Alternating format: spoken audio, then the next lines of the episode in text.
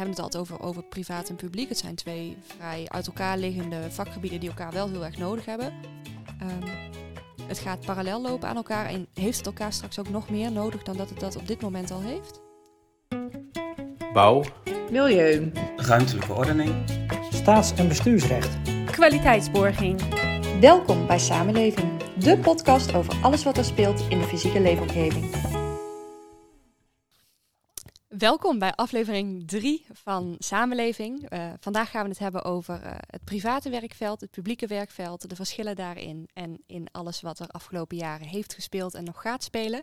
En ik ben heel blij met eh, mijn twee gasten die vandaag bij mij aan tafel zitten en voor jullie oren in de podcast klinken. Ehm, dus ik denk dat het goed is om een introductierondje te doen. Geurt, wil je aftrappen? Ja, dankjewel. Geurt Wassink. Ik ben senior jurist omgevingsrecht bij eh Interconcept. Ik werk in het publieke domein. Eh, Ik werk al eh, zo'n 22 jaar bij eh, deze firma in diverse hoedanigheden. eh, en nu dus als eh, senior jurist en strategisch adviseur eh, omgevingsrecht.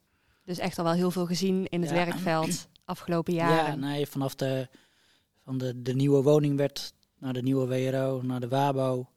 En dan straks de, de WKB en de omgevingswet. Dus alles eh, wel een hele hoop meegemaakt al, ja. Nou, Ja. Dat wordt veel informatie. Ik, eh, ik verheug me erop. En vanuit de andere kant ehm, het eh, private domein. Gelly, welkom. Dankjewel. Eh ik ben Gelly, Gelly Sahat. eh, getrouwd en ik heb eh, twee kinderen. Sinds 1 september 2017 werkzaam bij Plangarant Nederland. eh, onderdeel eh, van Intergarant Groep, eh, die vooral actief is eh, in het private domein.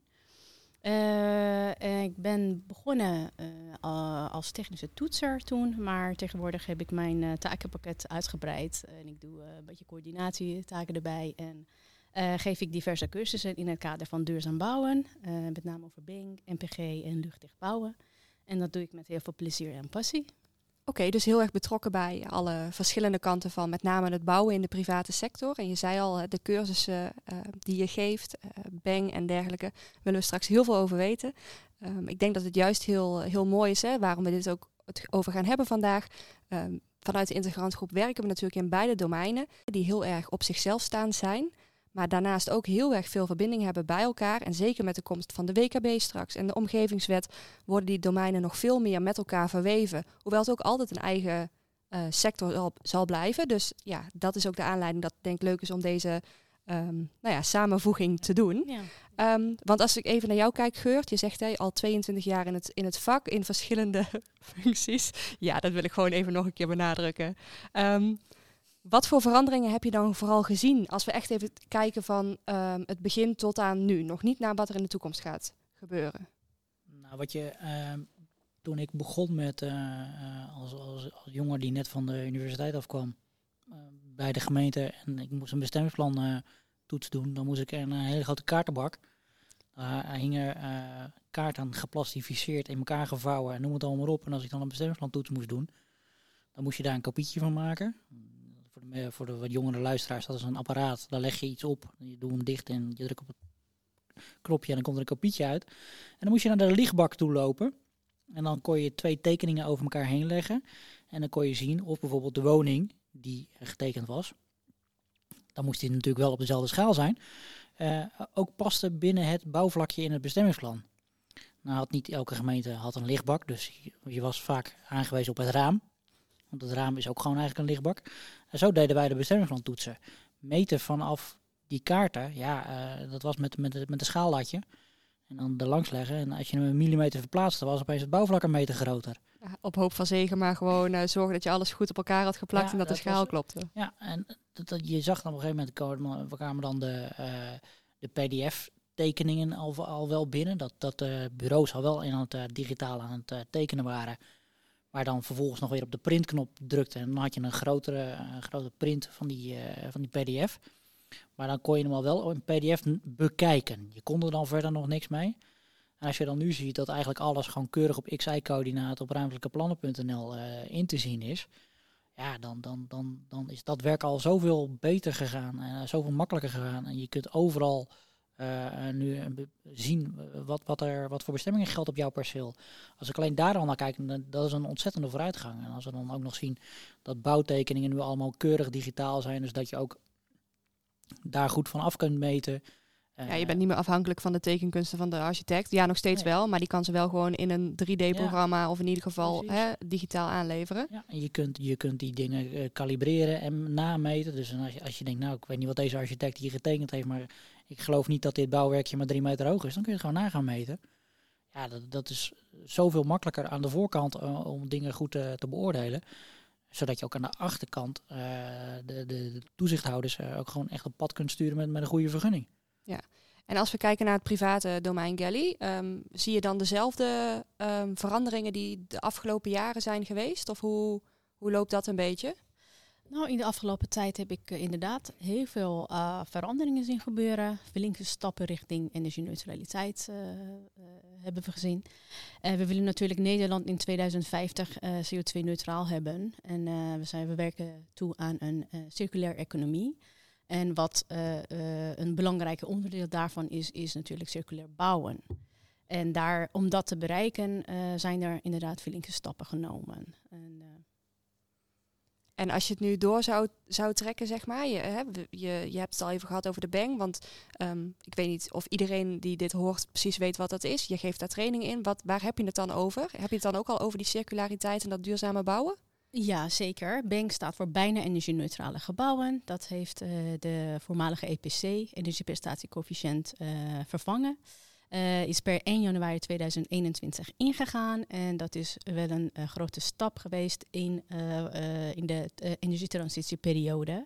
Want vanaf eigenlijk 2018 is de, die periode begonnen. En dat gaat duren tot 2050. En met de stappen die tot nu toe genomen zijn, bijvoorbeeld dichtdraaien van de gaskraan bij nieuwbouwwoningen en ehm, vastleggen van een grenswaarde voor de MPG, eh Milieuprestatiegebouw. en met de BENG nu eh, staan we eigenlijk aan het begin van de hele energietransitieperiode. Er zijn zeker belangrijke stappen, maar we zijn er nog niet. En hoe kijk je daarnaar? Je zegt we zijn er nog niet. Dat, dat snap ik. Het is 2021. Hè. Het moet 2050 moeten we dan ehm, op dat ultieme doel zitten. Ehm, hopelijk dat we dat gaan halen. Wat zie je de aankomende jaren voor veranderingen ja, op je pad komen of op het pad van de private sector komen? Waar dat je zegt van hé, hey, als we daar echt goed met z'n allen op gaan letten, dan gaan we steeds dichter bij dat doel van 2050 komen.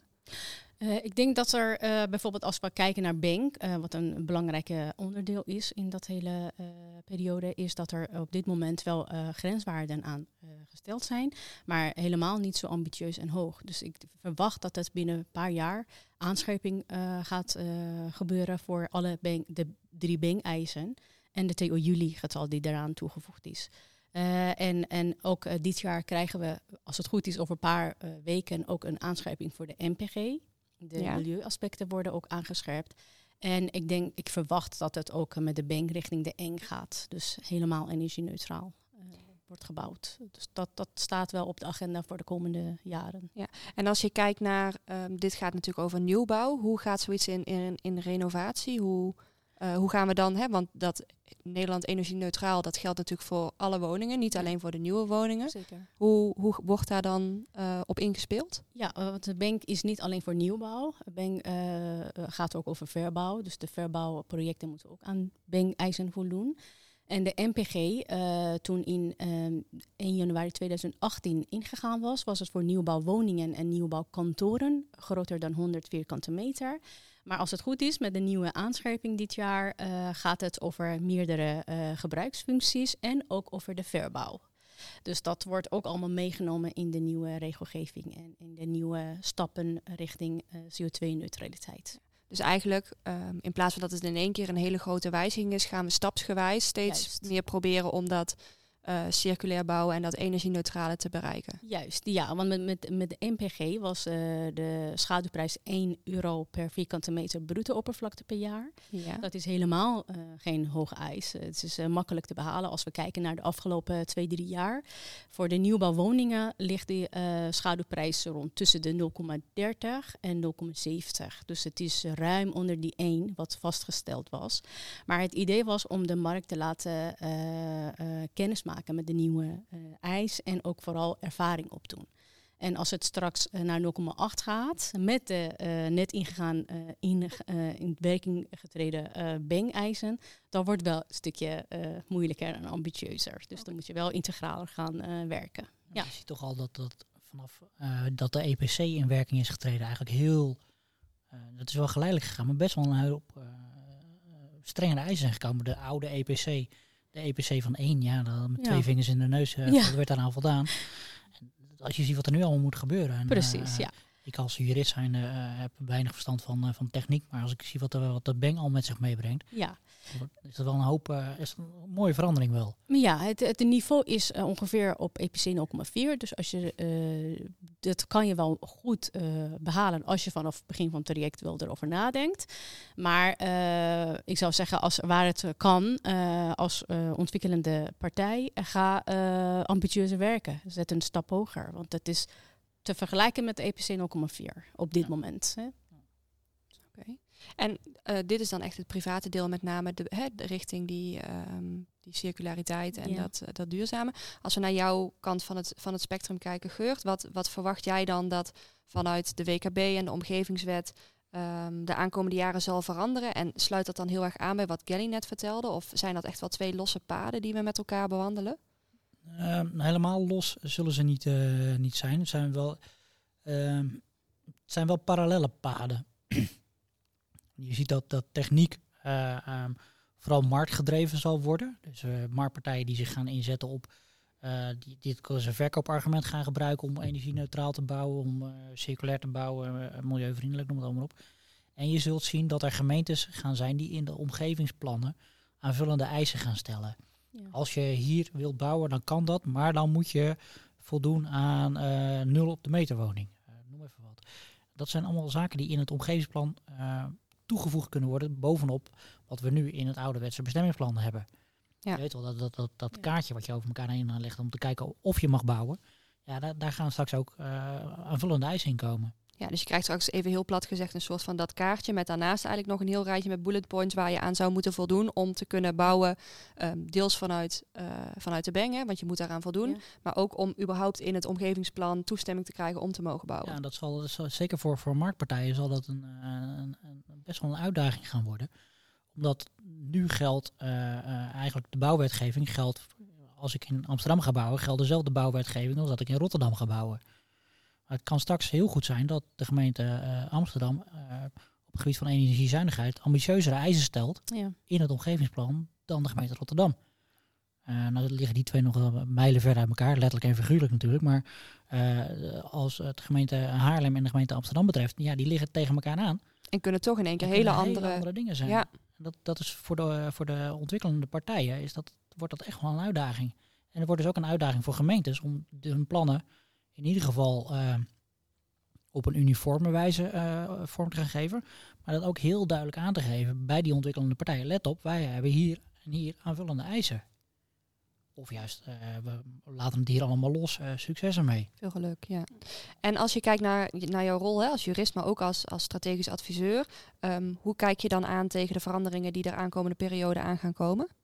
Um, ik denk dat, dat vooral de, uh, uh, voor, voor de bouwers uh, de WKB een, een, een aanzienlijke inspanning zal vergen. ik denk wel dat het een verbetering is. Ik ben al samen met, met Erik Houtman al, al 10, 15 jaar bezig met, met een soort certificering, een soort bouw, ja, gecertificeerd bouwen of, of een, een kwaliteitsborgingssysteem zoals het er nu is, uiteindelijk is gekomen, of gaat komen. Waarbij je dus ook heel veel kansen ziet voor, voor bouwers. Bouwers uh, wordt over het algemeen, uh, nou, grosso modo wordt er gewoon goed gebouwd. Uh, alleen, ja, je weet hoe het gaat. Er wordt een bouwvergunning afgegeven en dan vervolgens gaat de aannemer die gaat inschrijven op het bestek. En die, denkt opeens, ja, dat is allemaal leuk hoe dat getekend is. Maar ik weet een veel betere manier of ik doe het altijd op een andere manier. En die voldoet ook aan bouwbesluit. Alleen, ja, daar hebben we nooit naar gekeken. Dus dat zou dan formeel, moet dat allemaal weer overnieuw beoordeeld gaan worden. Terwijl je denkt, ja, waarom moet dat? Uh, dit gaat veel beter. En je kunt met die kwaliteitsborging ook nog weer uh, aanvullende eisen als uh, opdrachtgever afspreken.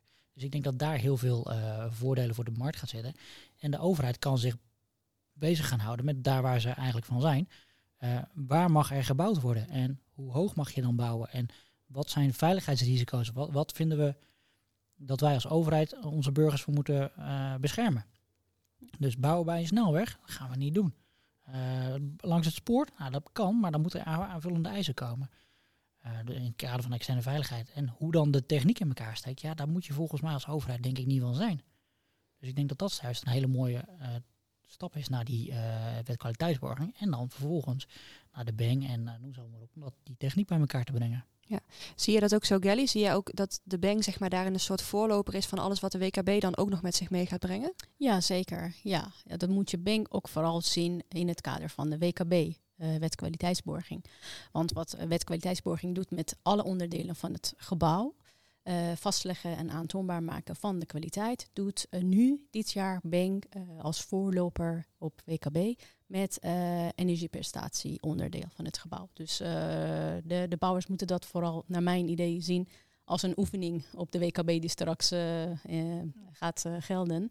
Dus maak er gebruik van dit jaar en ga zo goed mogelijk met de Bank-verhaal eh, om. Dus niet overal voor verteerwaardes invullen en zeggen nou aan het eind komt het goed. Maar ga gewoon eh, werken zoals het bedoeld is. Echt vanaf begin af aan werken met die bang in je achterhoofd. Weten hè, waar moet het aan voldoen, op wat voor manier eh, gaan we ermee om. En hoe zorgen we dat we het uiteindelijk halen. Niet omdat we de goede cijfers hebben ingevuld, maar omdat het project op die manier gewoon op de juiste manier is uitgevoerd. Juist, ja. En ook eh, vastleggen van de kwaliteit tijdens de bouw. Want eh, vooral voor de onderdelen waar je straks niet meer bij komt. Bijvoorbeeld de dikte van de isolatie. Ja. Dan moet je tijdens de bouw gaan vastleggen. Dat is ook een belangrijk onderdeel bij bank. Als je bij je tweede bankberekening moet eh, ehm, dat invullen. Eh, en eh, op basis daarvan moet je de definitieve energielabel gaan eh, aanvragen. Dus als je dit soort gegevens niet hebt vastgesteld, dan, dan, dan kom je nadeliger uit met de energielabel. Dus ja, zeker goed vastleggen. Dus eigenlijk zeggen jullie los van elkaar, maar in hetzelfde verhaal. Hè, ehm, we hebben het altijd over, over privaat en publiek. Het zijn twee vrij uit elkaar liggende vakgebieden die elkaar wel heel erg nodig hebben. Of meer sectors eigenlijk. Ehm, het gaat parallel lopen aan elkaar. En heeft het elkaar straks ook nog meer nodig dan dat het dat op dit moment al heeft? Ik denk het wel. Ik denk wel dat omdat er vanwege de knip die in de omgevingswet eh, eh, komt te staan, dat is eh, voor de gevolgklasse 1. Als ik het goed zeg, Geurt, je moet mij even... Ja. Het is fijn hè, met zo'n jurist aan tafel. ik begreep, ja, je weet veel meer dan ik eh, over de omgevingswet. Maar wat ik begrepen heb, is dat er de knip eh, komt. En eh, de technische bouwvergunning of de technische melding aparte onderdeel is dan de ruimtelijke bouwvergunning. En dat geldt voor de eh, gevolgklasse 1, die straks eh, door de eh, private kwaliteitsborgers gaat getoetst worden. En dus de, de WKB is een onderdeel van de omgevingswet. Dus de private domein in dit geval wordt wel een onderdeel van de publiek domein. En dus kun je, niet, kun je niet apart van elkaar zien, eh, vind ik. Ja, ik, ik denk dat wat ik al zei, dat, dat de, de verantwoordelijkheden komen te liggen daar waar ze horen. De overheid moet kaders stellen waarbinnen iets gerealiseerd kan worden en hoe het gerealiseerd wordt. Laat dat vooral aan de markt over. Juist. Dus eh, ga als overheid je niet bemoeien met techniek, maar bemoei je met hoe, eh, hoe moet mijn omgeving eruit zien? Waar wil ik dat gebouwd wordt? Eh, moet dat hoogbouw worden? Moet dat laagbouw worden? Wil ik, wil ik überhaupt nog aan welstand toetsen? Of laat ik het helemaal vrij? Of ga ik alleen op bepaalde gebieden aan welstand toetsen? En hoe dan dat ruimtelijke jasje ingevuld wordt op een technische wijze, stel daar ook alleen de kaders voor. Die leg je vast in de wet en de markt gaat, moet ervoor zorgen dat voldaan wordt aan die wet. En uiteindelijk eh, eh, is dat niet anders dan dat we een, eh, een, een auto kopen. Daar hebben we aan de voorkant ook ooit een keer gezegd, eh, als je een auto verkoopt, dan moet hij aan die en die eisen voldoen. Deze auto voldoet eraan, succes ermee, ga er nog meer bouwen. En dat eigenlijk moeten we dat ook doen met, met, met woningen of met bouwwerken. En natuurlijk zijn er eh, door de eh, grootte en de omvang van sommige bouwwerken ook andere belangen dan alleen maar eh, de, eigenaar, de belang van de eigenaar van het gebouw. Maar ik kan me voorstellen dat als we een stadion gaan bouwen, dat de overheid ook een belang heeft in het kader van veiligheid, van publieke veiligheid en omgevingsveiligheid. Daar dan nog de overheid wat over gaat zeggen, over de techniek. Maar voor de rest zou ik zeggen, laat dat bij, Ja. de, bij, de, eh, eh, bij de markt liggen. En de omgevingswet biedt juist die kansen om dat goed vast te leggen. Of is dan de omgevingswet er ook daadwerkelijk voor noodzakelijk? Dat weet ik niet. Ik denk dat we met, met huidige middelen al hele goede oefeningen zouden kunnen gaan doen. Maar laten we vooral de verantwoordelijkheden leggen daar waar ze horen. Ja, dus dat vraagt wel meer eh, overleg en meer Ja. gesprekken tussen de private en Zeker aan de voorkant. domein. Goed. Eh, dus op het moment dat, dat iemand weer ergens wil bouwen en dat valt onder de WKB, onder gevolgklasse 1, laat hem dan even met de overheid in contact treden. Joh, ik ga hier bouwen, moet ik nog ergens rekening mee houden? Ja. Loopt er een spoorlijn achter mijn eh, pand langs? Wat voor ondergrond heb ik hier? Mag zit ik in de binnenstad? Mag ik met grond, grondverdringende palen werken of moet ik hier gaan schroef, schroefpalen gaan gebruiken? Dat soort zaken, kom in overleg en dan wordt het Ja. allemaal veel beter. Dus het brengt ons allemaal weer dichter bij elkaar. Ja. Ja, denk het wel. Mooi. Nou, dan hebben we natuurlijk nog best wel een heel groot ambitieus plan hè, met nou, de omgevingswet en alles wat er meespeelt. Maar vooral ook met de capaciteit die dat allemaal met zich mee gaat brengen. Want wie gaat het doen en hoe gaan we dat doen en op wat voor manier gaan we dat doen. Maar laten we het daar gewoon lekker volgende keer over hebben. Gewoon het hele capaciteitsvraagstuk. Ehm, ik wil jullie in ieder geval heel erg bedanken voor eh, jullie input. Ehm, wie weet komen er vragen. Dat kan ik me zomaar voorstellen bij dit onderwerp. Maar dan weten ze eh, of mij, je hebt mij niet nodig, maar dan st- stuur ik ze wel door naar jullie eh, vast te vinden. Want volgens mij is dit een onderwerp waar we met elkaar gewoon heerlijk over kunnen discussiëren en praten. Zodat we met elkaar die verbinding opzoeken. Ja, het ook. Mooi. Ehm dankjewel allebei. Ja, Ja, jij ook bedankt. bedankt.